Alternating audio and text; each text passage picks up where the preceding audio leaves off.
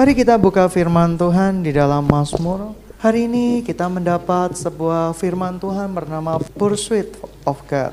Mazmur, Mazmur 25 ayat yang ke-14. Mari kita bisa baca bersama-sama. Mazmur 25 ayat yang ke-14. Satu, dua, dan tiga. Tuhan bergaul karib dengan orang yang takut akan dia. Dan perjanjiannya diberitahukannya kepada mereka. Oke. Kita lompat ke Mazmur 27 ayat yang keempat. Kita bacakan bersama-sama. Satu hal telah ku minta kepada Tuhan, itulah yang kuingini. Diam di rumah Tuhan seumur hidupku, menyaksikan kemurahan Tuhan dan menikmati baitnya. Amin. Siapa pernah kangen dengan seseorang angkat tangan? Kangen biasanya sama siapa? Papa, mama, teman, anjing kesayangan. Teman-teman, semua orang pernah kangen. Pada satu ketika di dalam doa saya, Tuhan berkata pada saya, saya kangen kamu waktu kecil. Saya bilang, kenapa Tuhan? Apakah engkau tidak ingin melihat anakmu tumbuh dewasa jadi orang yang ganteng, gagah perkasa? Apakah mengapa engkau begitu merindukan saya di waktu yang kecil? Itu di dalam benak saya, tapi saya tidak berani menjawab Tuhan. Teman-teman yang dikasih Tuhan, pada satu ketika Tuhan rindu sekali Israel pada masa-masa bulan madu dengan Tuhan di mana hadirat Tuhan begitu kental, begitu terasa, dan mereka begitu bergembira akan Tuhan. Sungguh, Tuhan mengingat masa-masa yang indah tersebut. Ketika saya belajar mengenai hatinya Tuhan yang tiada habisnya, lewat peristiwa-peristiwa yang ada, anak saya ini selalu kangen dengan nenek-neneknya hampir setiap minggu minta video call, video call, dan video call. Dan dia kangen juga sama Aceh engkunya. Berkali-kali bilang, kapan Pak bertemu dengan Aceh ini? Kapan Pak bertemu dengan engku ini? Kapan Pak? Kapan Pak? Kapan Pak? Iya, kapan-kapan. Gitu ya. Tetapi mereka ini seperti tidak habis-habisnya rasa kangen minta diteleponkan nenek. Ketika saya sedang tadi mau pergi ke gereja, ditelepon, kangen. Padahal baru berapa detik ketemu kangen. Kangen adalah salah satu bagian di dalam pengajaran kita akan Tuhan. Kalau kamu nggak kangen Tuhan lagi, yang lebih cilaka Tuhan nggak kangen sama kamu lagi itu sebenarnya kita sudah kehilangan sukacita di dalam rumah Tuhan. Ketika kita kehilangan sukacita di dalam rumah Tuhan, maka kita akan menggantikan sukacita-sukacita di rumah Tuhan itu dengan sukacita-sukacita palsu. Kita berusaha menghibur diri kita berjam-jam lamanya ke kafe, ngobrol dengan teman untuk mendapatkan sukacita yang merupakan sebuah duplikat dari sukacita sorga.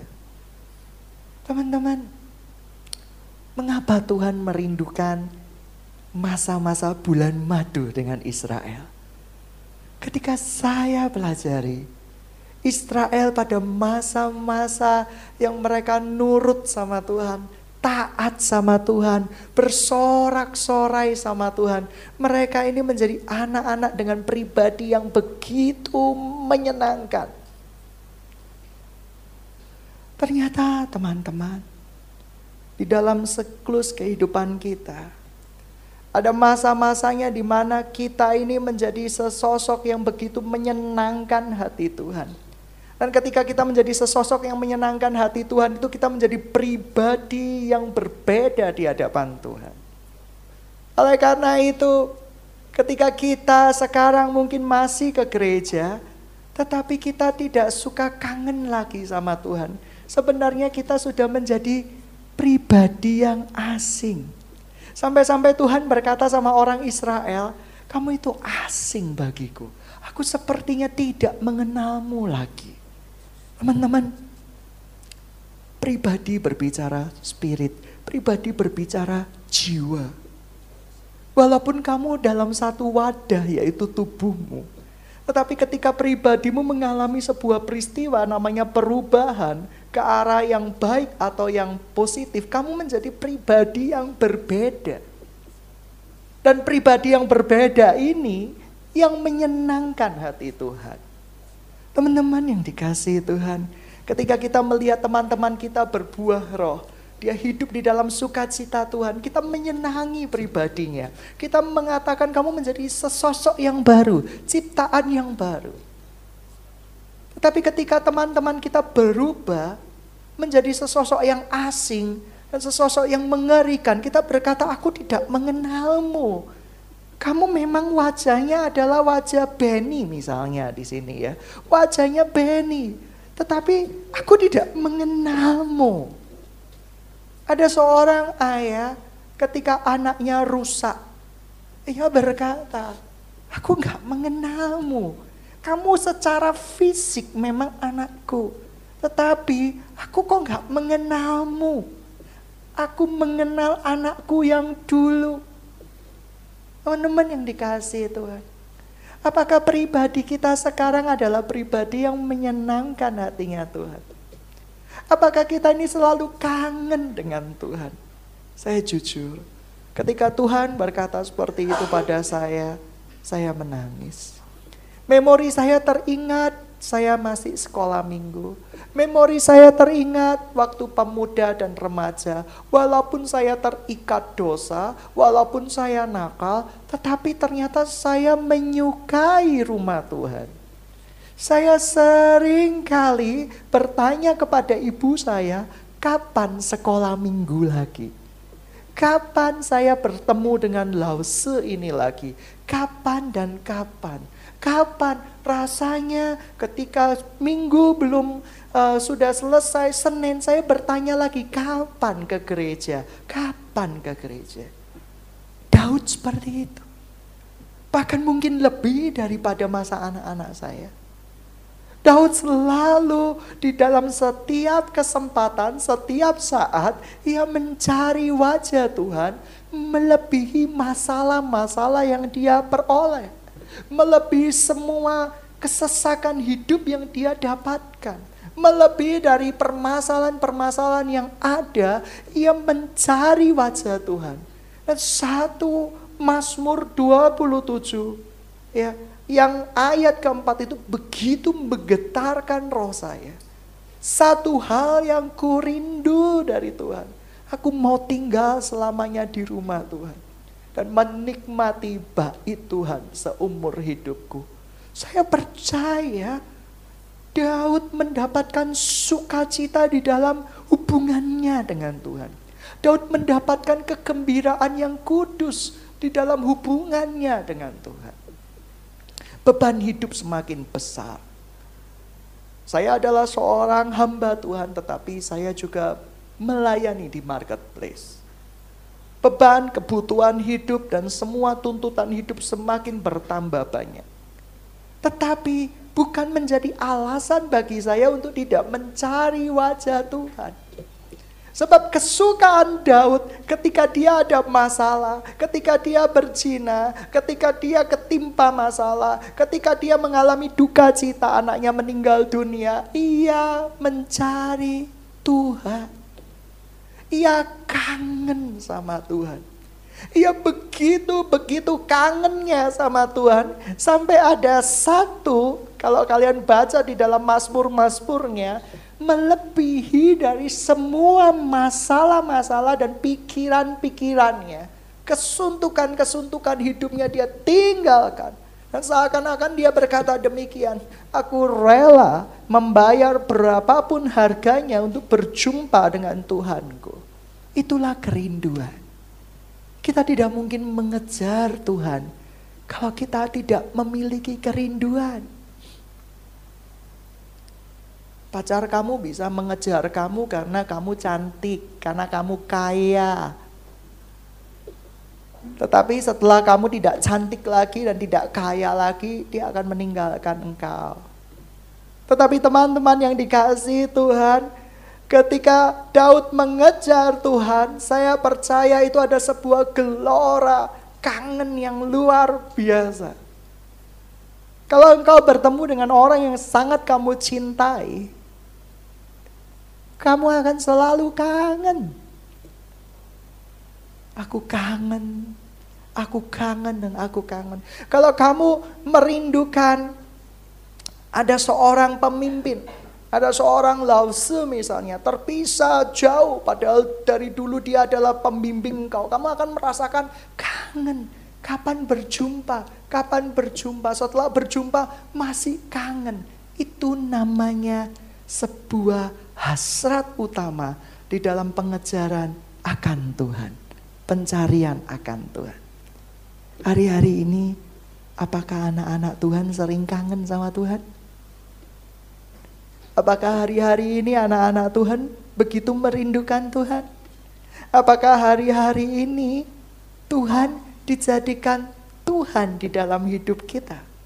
Seperti anak-anak saya yang setiap kali mengulang terus-menerus kangen, kangen. Dan saya tahu hatinya, mereka betul-betul kangen. Teman-teman yang dikasih Tuhan, betullah nas Alkitab. Kalau kita tidak memiliki hati seorang anak-anak, susah berjumpa dengan Tuhan. Hati seorang anak-anak ya saya percaya mungkin pernah juga tidak apa ya uh, pernah dilukai sama saya misalnya mereka selalu cari saya. Ini sesuatu yang amazing dan luar biasa. Saya percaya seluruh intipati daripada Mazmur hanya tergambar di dalam sebuah kata kangen dan kecanduan. Daud ini kecanduan sama Tuhan. Seperti kalian dan saya yang kecanduan akan handphone Daud ini kecanduan akan Tuhan. Ketika Anda meninggalkan Android Anda di rumah, apa gejalanya? Cemas, khawatir, keringat dingin, gelisah. Jikalau Anda seperti itu, Anda sudah masuk di dalam sebuah tingkatan kecanduan. Ini ini nyata.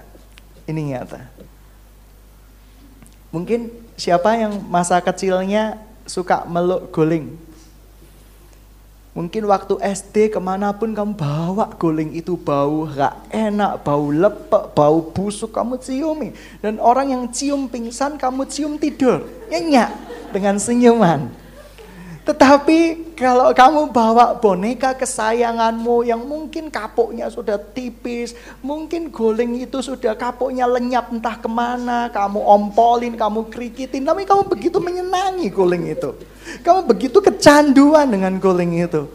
Dan saat-saat engkau disapih oleh orang tuamu, itu adalah saat-saat yang penuh air mata, di mana kamu disembunyikan guling kamu dan kamu mencarinya ke mana pun seperti orang gila, seperti orang tidak waras.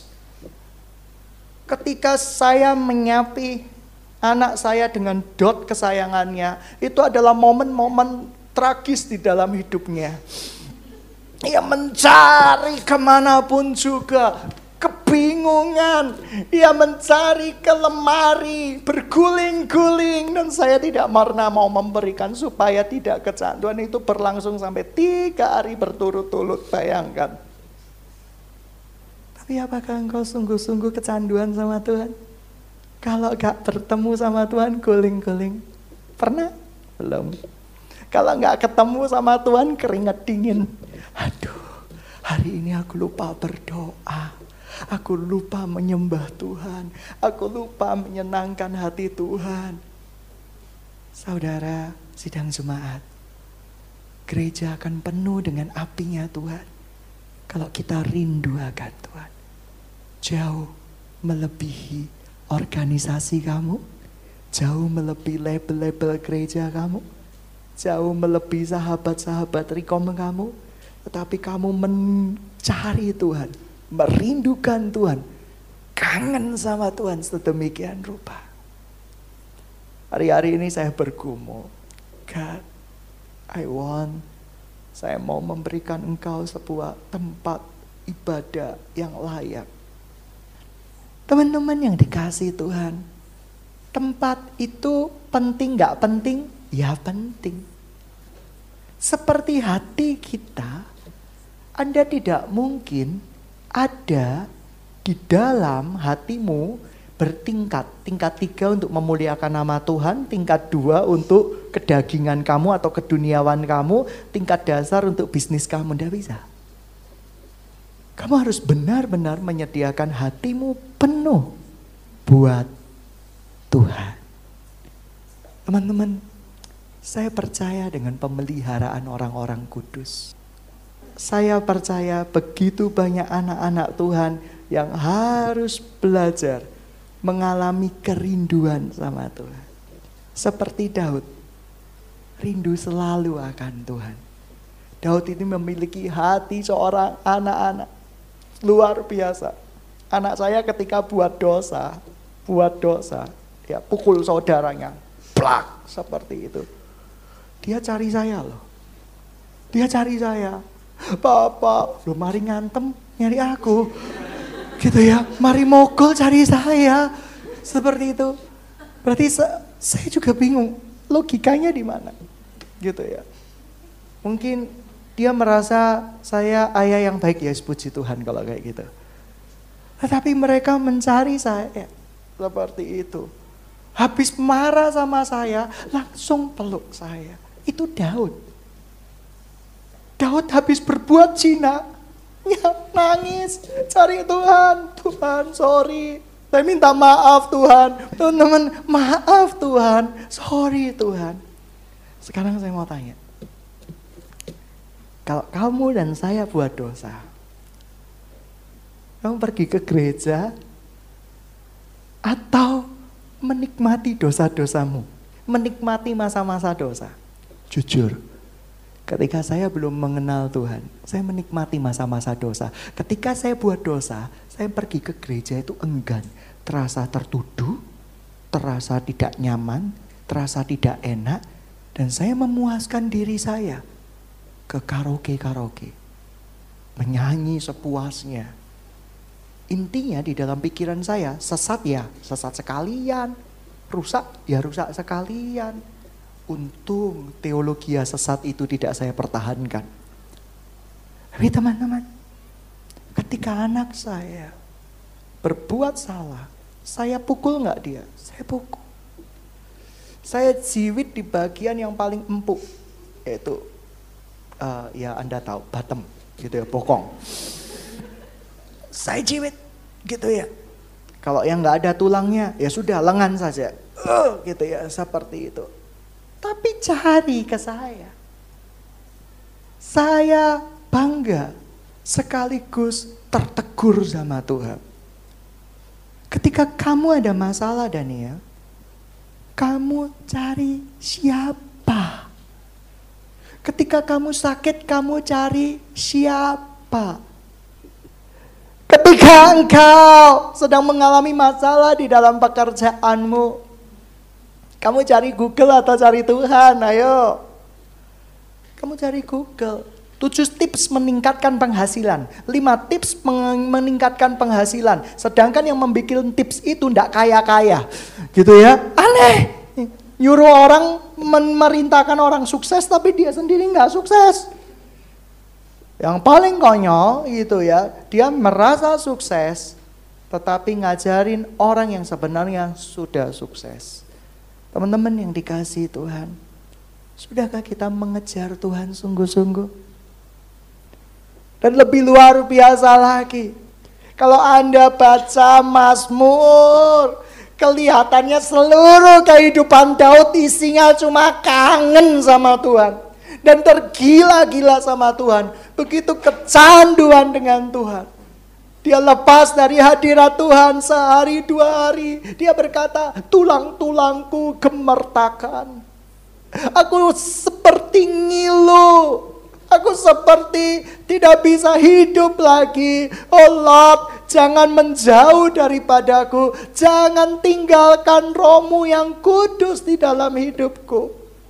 Dan ketika kita bisa mengejar Daud, mengejar Tuhan seperti uh, Daud mengejar Tuhan, saya percaya itu adalah sebuah benih awal dari the great revival.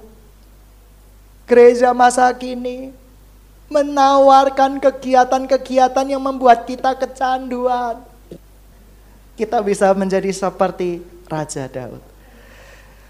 Dan ketika saya lihat di dalam kitab-kitab Mazmur, coba baca Tuhan perisaiku 28 30 nyanyian syukur, 29 kebesaran Tuhan, 31 aman dalam tangan Tuhan, 32 kebahagiaan orang yang diampuni dosanya, 33 puji-pujian kepada Allah Israel, 34 dalam lindungan Tuhan, 35 minta tolong sama Tuhan, 36 kefasikan orang berdosa dan kasih setia Tuhan, dan kamu lihat dari semuanya gitu ya 38 doa waktu sakit kepada Tuhan, 39 doa minta tolong kepada Tuhan. Ini Mazmur Daud, ini buku harian Daud. Buku harianmu isinya apa? Teriak minta tolong sama siapa? Aku jatuh cinta hari ini. Tetapi sayang, dia sudah ada yang lain. Aku jatuh cinta hari ini. Mungkinkah, oh mungkinkah. Aku jatuh cinta hari ini, tapi aku belum bekerja.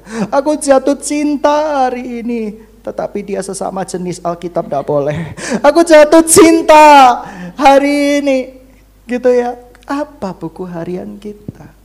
Jikalau seluruh kehidupan Daud disorot, Engkau hanya melihat sebuah yang namanya Tuhan di dalam hidupnya.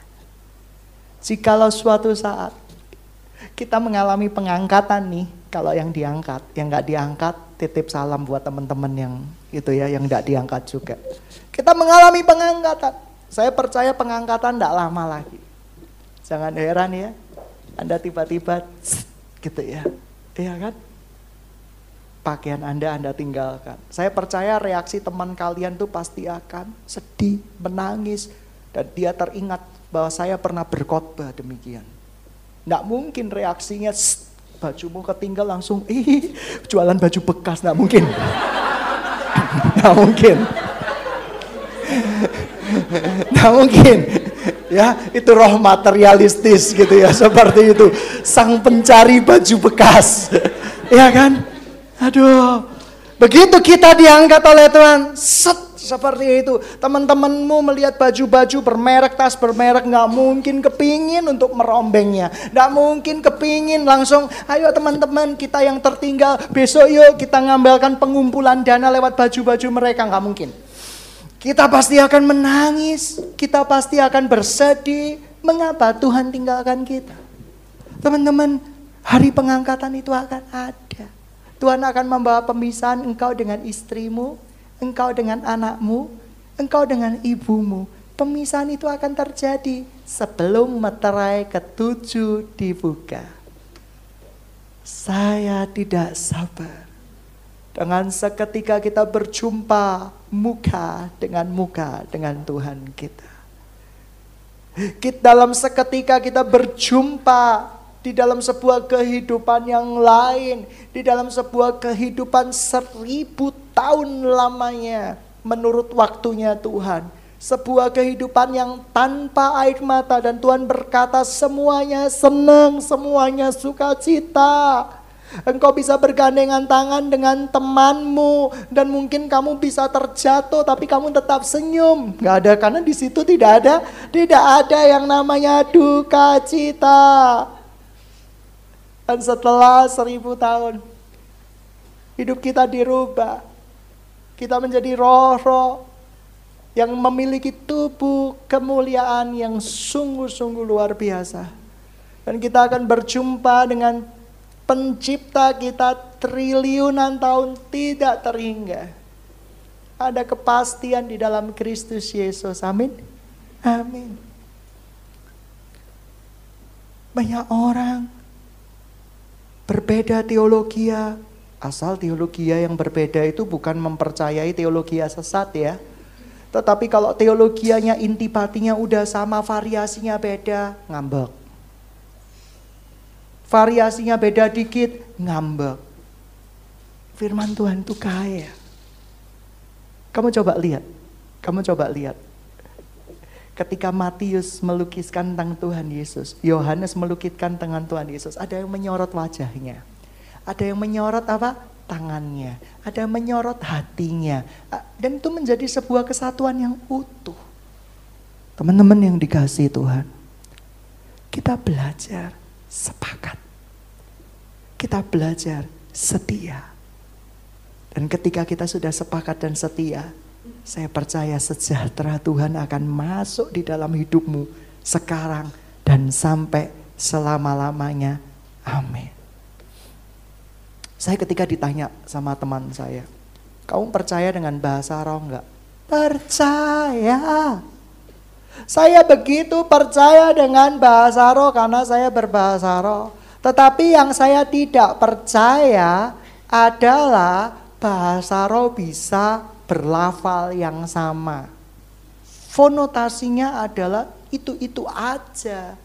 Sedangkan bahasa roh yang saya kenal di Alkitab sebagai karunia, Gereja Tuhan sudah mulai menyimpang dengan bahasa roh. Gereja Tuhan, jujurlah, saya percaya bahasa roh ada. Tetapi bahasa roh yang personal, hubungan dengan Tuhan, Rasul Paulus tuh bilang kayak gini, aku itu loh berbahasa roh lebih daripada kamu.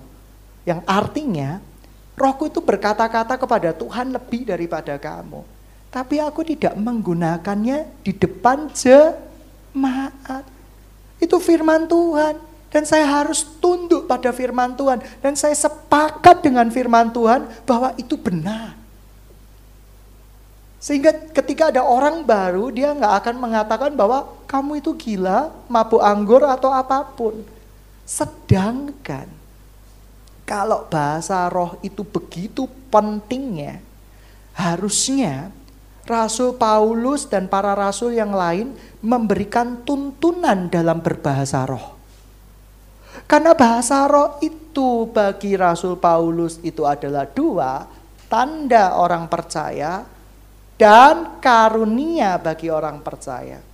Tanda bagi orang percaya artinya apa? Setiap orang yang percaya kepada Kristus sama Tuhan memiliki roh kudus di dalam hidupnya. Dan roh kudus itu membantu dia mengucapkan dalam keluhan-keluhan yang tidak pernah terungkapkan. Oleh karena itu kamu menangis berseru kepada Tuhan, itu sudah rohmu berbicara kepada Tuhan. Dengan pemahaman Alkitab yang saya percaya itu benar, saya dimerdekakan. Ketika saya menyembah Tuhan, haleluya, kau baik Tuhan. Dan saya berkata, uh, kamu tahu ketika kita menyanyi sebuah lagu ada la la la la la la la, ya kan? Langit biru, eh itu Doraemon, sorry sorry sorry. Baling-baling bambu gitu ya seperti itu, ya kan? Lalu kita kita menyanyi la la la la, itu salah nggak? Nggak salah. Oleh karena itu ketika saya menyembah Tuhan saya berkata la la la la la tapi bukan mengharuskan orang berkata la la la seperti saya. Bagi saya itu ekspresi seperti saya menyanyikan sebuah lagu. Ya ketika worship leader nggak tahu lagunya saya kadung ngomong ya saya cuma bilang hmm, hmm, hmm. Ya kan? Dan itu roh saya berdoa, roh saya menyanyi. Ya kan? Biasanya kan Worship leader kalau hafal suatu lagu, hafal referennya. Begitu tangan saya pertama, dia itu sudah berkeringat dingin. nyanyi pelan, penuh penghayatan, sambil melihat singer gitu ya, saling memandang penuh cinta. Ayo ngomong duluan, ngomong duluan. Ayo ngaku nggak? Ngaku.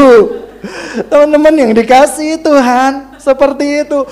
Oleh karena itu tidak salah kita menyanyi. Hmm, hmm, hmm, hmm. Nggak salah seperti itu. Asal jemaat tahu nadanya. Kamu tahu? Seperti itu. Ketika kamu mendapatkan sebuah lagu dari Tuhan.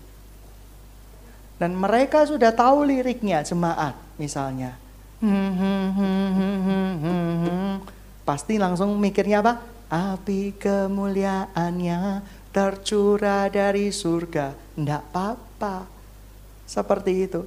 Tapi kalau kamu di depan jemaat nada ndak jelas, ini ndak nyambung, lalu kamu membuat lagu sendiri. Hmm, hmm, hmm, hmm, hmm, hmm. Itu apa itu? Mereka akan merasa kita orang gila, teman-teman. Padahal kamu yang ngerti artinya, rohmu yang ngerti artinya itu memuji Tuhan. Tapi teman-temanmu kedengarannya itu lagu Korea. Kedengarannya itu lagu Pipin. Kedengarannya itu lagu si Unyil. Ya kan? Si Kancil. Jadi ini kan kacau teman-teman. Oleh karena itu berbahasa roh menurut saya sifatnya jelas. Paham maksud saya? Paham. Karena ketika kita mendengarkan nada-nada tertentu di kepercayaan lain beda bahasa roh sudah jelas. Saya menerima, saya mengalami, saya nggak ngajarin. Karena bagi saya, semua orang yang percaya dalam rohnya akan berbicara kepada Tuhan sendiri. Sudah jelas itu. Ketika saya menyembah Tuhan, di dalam worship leader, gitu ya. Saya menyembah Tuhan, mengagungkan kepada Tuhan. Semua jemaat tahu saya mengagungkan Tuhan. Saya tidak apa-apa menggunakan phonotation, la la la, Hmm, Amin. Amin. Asal nadanya berbentuk. Asal enggak enggak berbentuk sama sekali itu juga mengacaukan jemaat. Teman-teman yang dikasih Tuhan. Yang berikutnya. Mengejar Tuhan. Kita harus memiliki hati yang tulus seperti anak-anak. Hati yang kangen, selalu rindu. Dan yang ketiga, hati yang kecanduan. Dan yang terakhir dan berikutnya. Hati yang selalu diikatkan kepada Tuhan. Teman-teman yang dikasih Tuhan, gereja ini nggak pernah ngelarang orang pacaran loh. Kalau nggak gitu, nggak ada yang menikah. Tapi gereja ini mengajarkan pacaran yang kudus.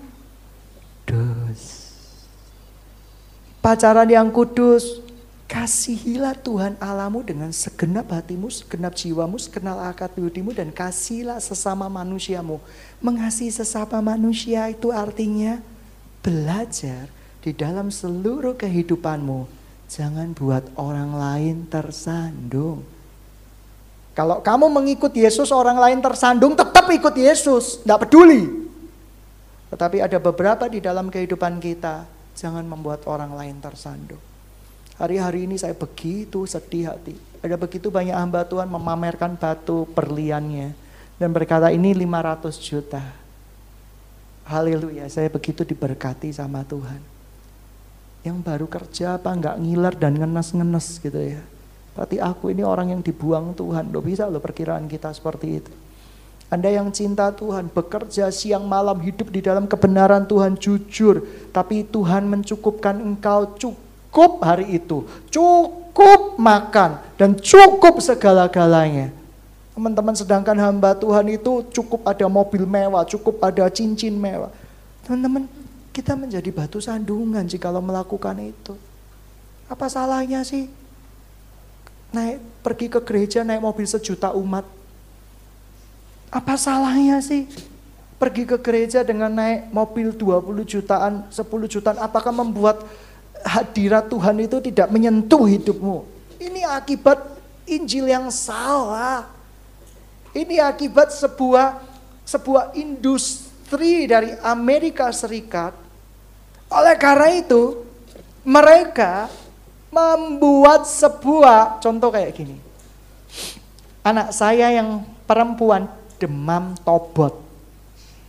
Tahu tobot? Mobil yang bisa jadi robot. Perempuan loh. Kok tahu dia ada tobot?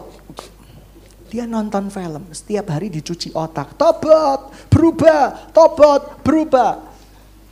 Ya kan? Di zaman kita Jos paling apa ya gaban sariban gitu ya seperti itu itu zaman zaman old seperti itu ya Google Five mungkin kayak gitu ya itu zaman zaman kuno tetapi teman-teman yang dikasih Tuhan saya percaya itu dicuci otak dulu supaya kita kepingin membeli. Itu industri. Kamu lihat film Spider-Man? Mereka tidak hanya mengambil keuntungan dari filmnya kostumnya dibikin, spread. Alat-alat untuk membuat jaring laba-laba dibikin, gitu ya, jebret. Orang anak-anak kecil bangga dengan jaring-jaringan palsu itu, uh gitu ya, seperti itu, dibikin industri. Oleh karena itu, industri ini mulai mengarah ke dalam gereja Tuhan. Dan hatinya Tuhan, rumahku kamu buat sarang pe penyakit. Sedih loh hatinya Tuhan itu. Dia melihat gereja masa kini itu bukan gereja lagi, bukan gereja yang dikenal lagi. Begitu banyak hamba-hamba Tuhan yang cinta akan Tuhan, mereka sesak hidupnya. Billy Graham di akhir hidupnya Amerika kembali oh kepada Tuhan. Dia begitu sesak karena dia merasa bahwa kekristenan yang ada saat ini bukan kekristenan yang yang dari Alkitab. Ini adalah sebuah industri. Anda datang ke gereja, Anda mendengarkan lagu-lagu. Lagu-lagu diproduksi, tujuannya untuk apa? Industri. Penginjil-penginjil di kisah para rasul, mereka nggak dibayar. Kalau penginjil-penginjil, beberapa penginjil-penginjil masa kini, bayarannya kurang, jangan harap kamu menghubungi dia lagi. Maaf, jadwal sedang penuh. Teman yang dikasih Tuhan, Rasul Paulus tidak dibayar. Tetapi kalau kamu lihat jemaat mula-mula, mereka berikan bukan sepersepuluh hartanya, mereka berikan seluruh hidupnya untuk kemuliaan nama Tuhan. Ketika gereja sudah menjadi industri, sebenarnya gereja Tuhan sudah terpisah dari kasih karunia Tuhan. Sudah terpisah dari pintu kasih karunia Tuhan. Saya percaya kekristenan yang sejati itu adalah kekristenan yang mencari Tuhan, merindukan Tuhan, kecanduan dengan Tuhan. Gereja masa kini berusaha untuk menarik banyak jiwa dengan begitu banyak program. Program dewasa muda, program ini, program itu. Anda masuk, Anda dihibur, Anda disenangkan, lalu ketemu Tuhannya kapan? Berjumpa dengan Tuhannya kapan? Gereja haruslah seluruh Alkitab ini mendorong berjumpa dengan Kristus penciptamu. Sampai-sampai Rasul Paulus berkata, "Hei orang Galilea yang bodoh, apa yang mempesona kamu selain pada Kristus yang hidup?" Oleh karena itu tujuan dari pemberitaan firman Tuhan bukan untuk kemuliaan hamba Tuhan, pamer mobil, pamer mewah, pamer semuanya, pamer mimpi, pamer penglihatan, seakan-akan dia diurapi Tuhan. Coba lihat kekristenan masa kini. Kamu pergi ke toko buku, lihat yang best seller itu buku-buku apa? Yang gambarnya anak-anak Tuhan yang sedang mejeng. Kemuliaan Tuhan sedang dicuri. Awal mula dulu hamba-hamba Tuhan yang luar biasa yang tidak mau kemuliaan Tuhan dicuri, mereka menulis buku itu tidak ada covernya. Mereka sering menggunakan inisial NN. Apa itu NN? no name. Ketika saya melihat persembahan-persembahan perpuluhan di gereja-gereja Tuhan, masa zaman dulu, zaman ibu saya, saya sering kali baca di mading, persembahan tuh ini NN, NN, NN, NN. Ketika saya per, pergi ke gereja zaman now, Ibu Meli, nomor HP, WA, segini, berapa duit, gitu ya seperti itu. Yang kecil-kecil NN yang besar-besar dicatat nomor WA, Facebook, Instagram. Bayangin kamu. Kita ini mau mencari kemuliaan buat kita, kemuliaan bagi dua, atau kemuliaan bagi Tuhan. Kalau kemuliaan bagi Tuhan, mari kita sungguh-sungguh. Kalau kamu memberi tangan kirimu nggak usah kelihatan. Tidak kelihatan kok Pak Pendeta, karena aku tidak punya tangan kiri. Ya sudah, artinya apa? Tidak kelihatan sama sekali. Yang berikutnya dan yang terakhir, sidang jemaat di tempat ini. Gereja kita sedang akan mengalami the great revival. Tapi sebelumnya Tuhan rindu kita memiliki hati yang rindu. Hati yang menginginkan dia senantiasa. Hati yang kecanduan kepada dia.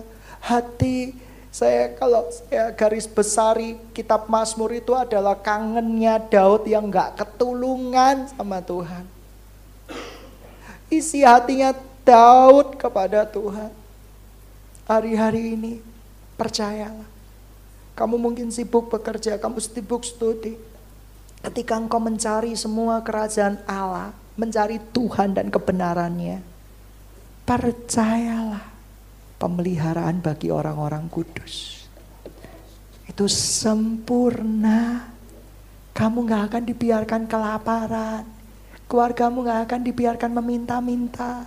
Berkat anak cucu akan ada pada hidupmu. Bukan hanya sekarang, tapi sampai selama-lamanya.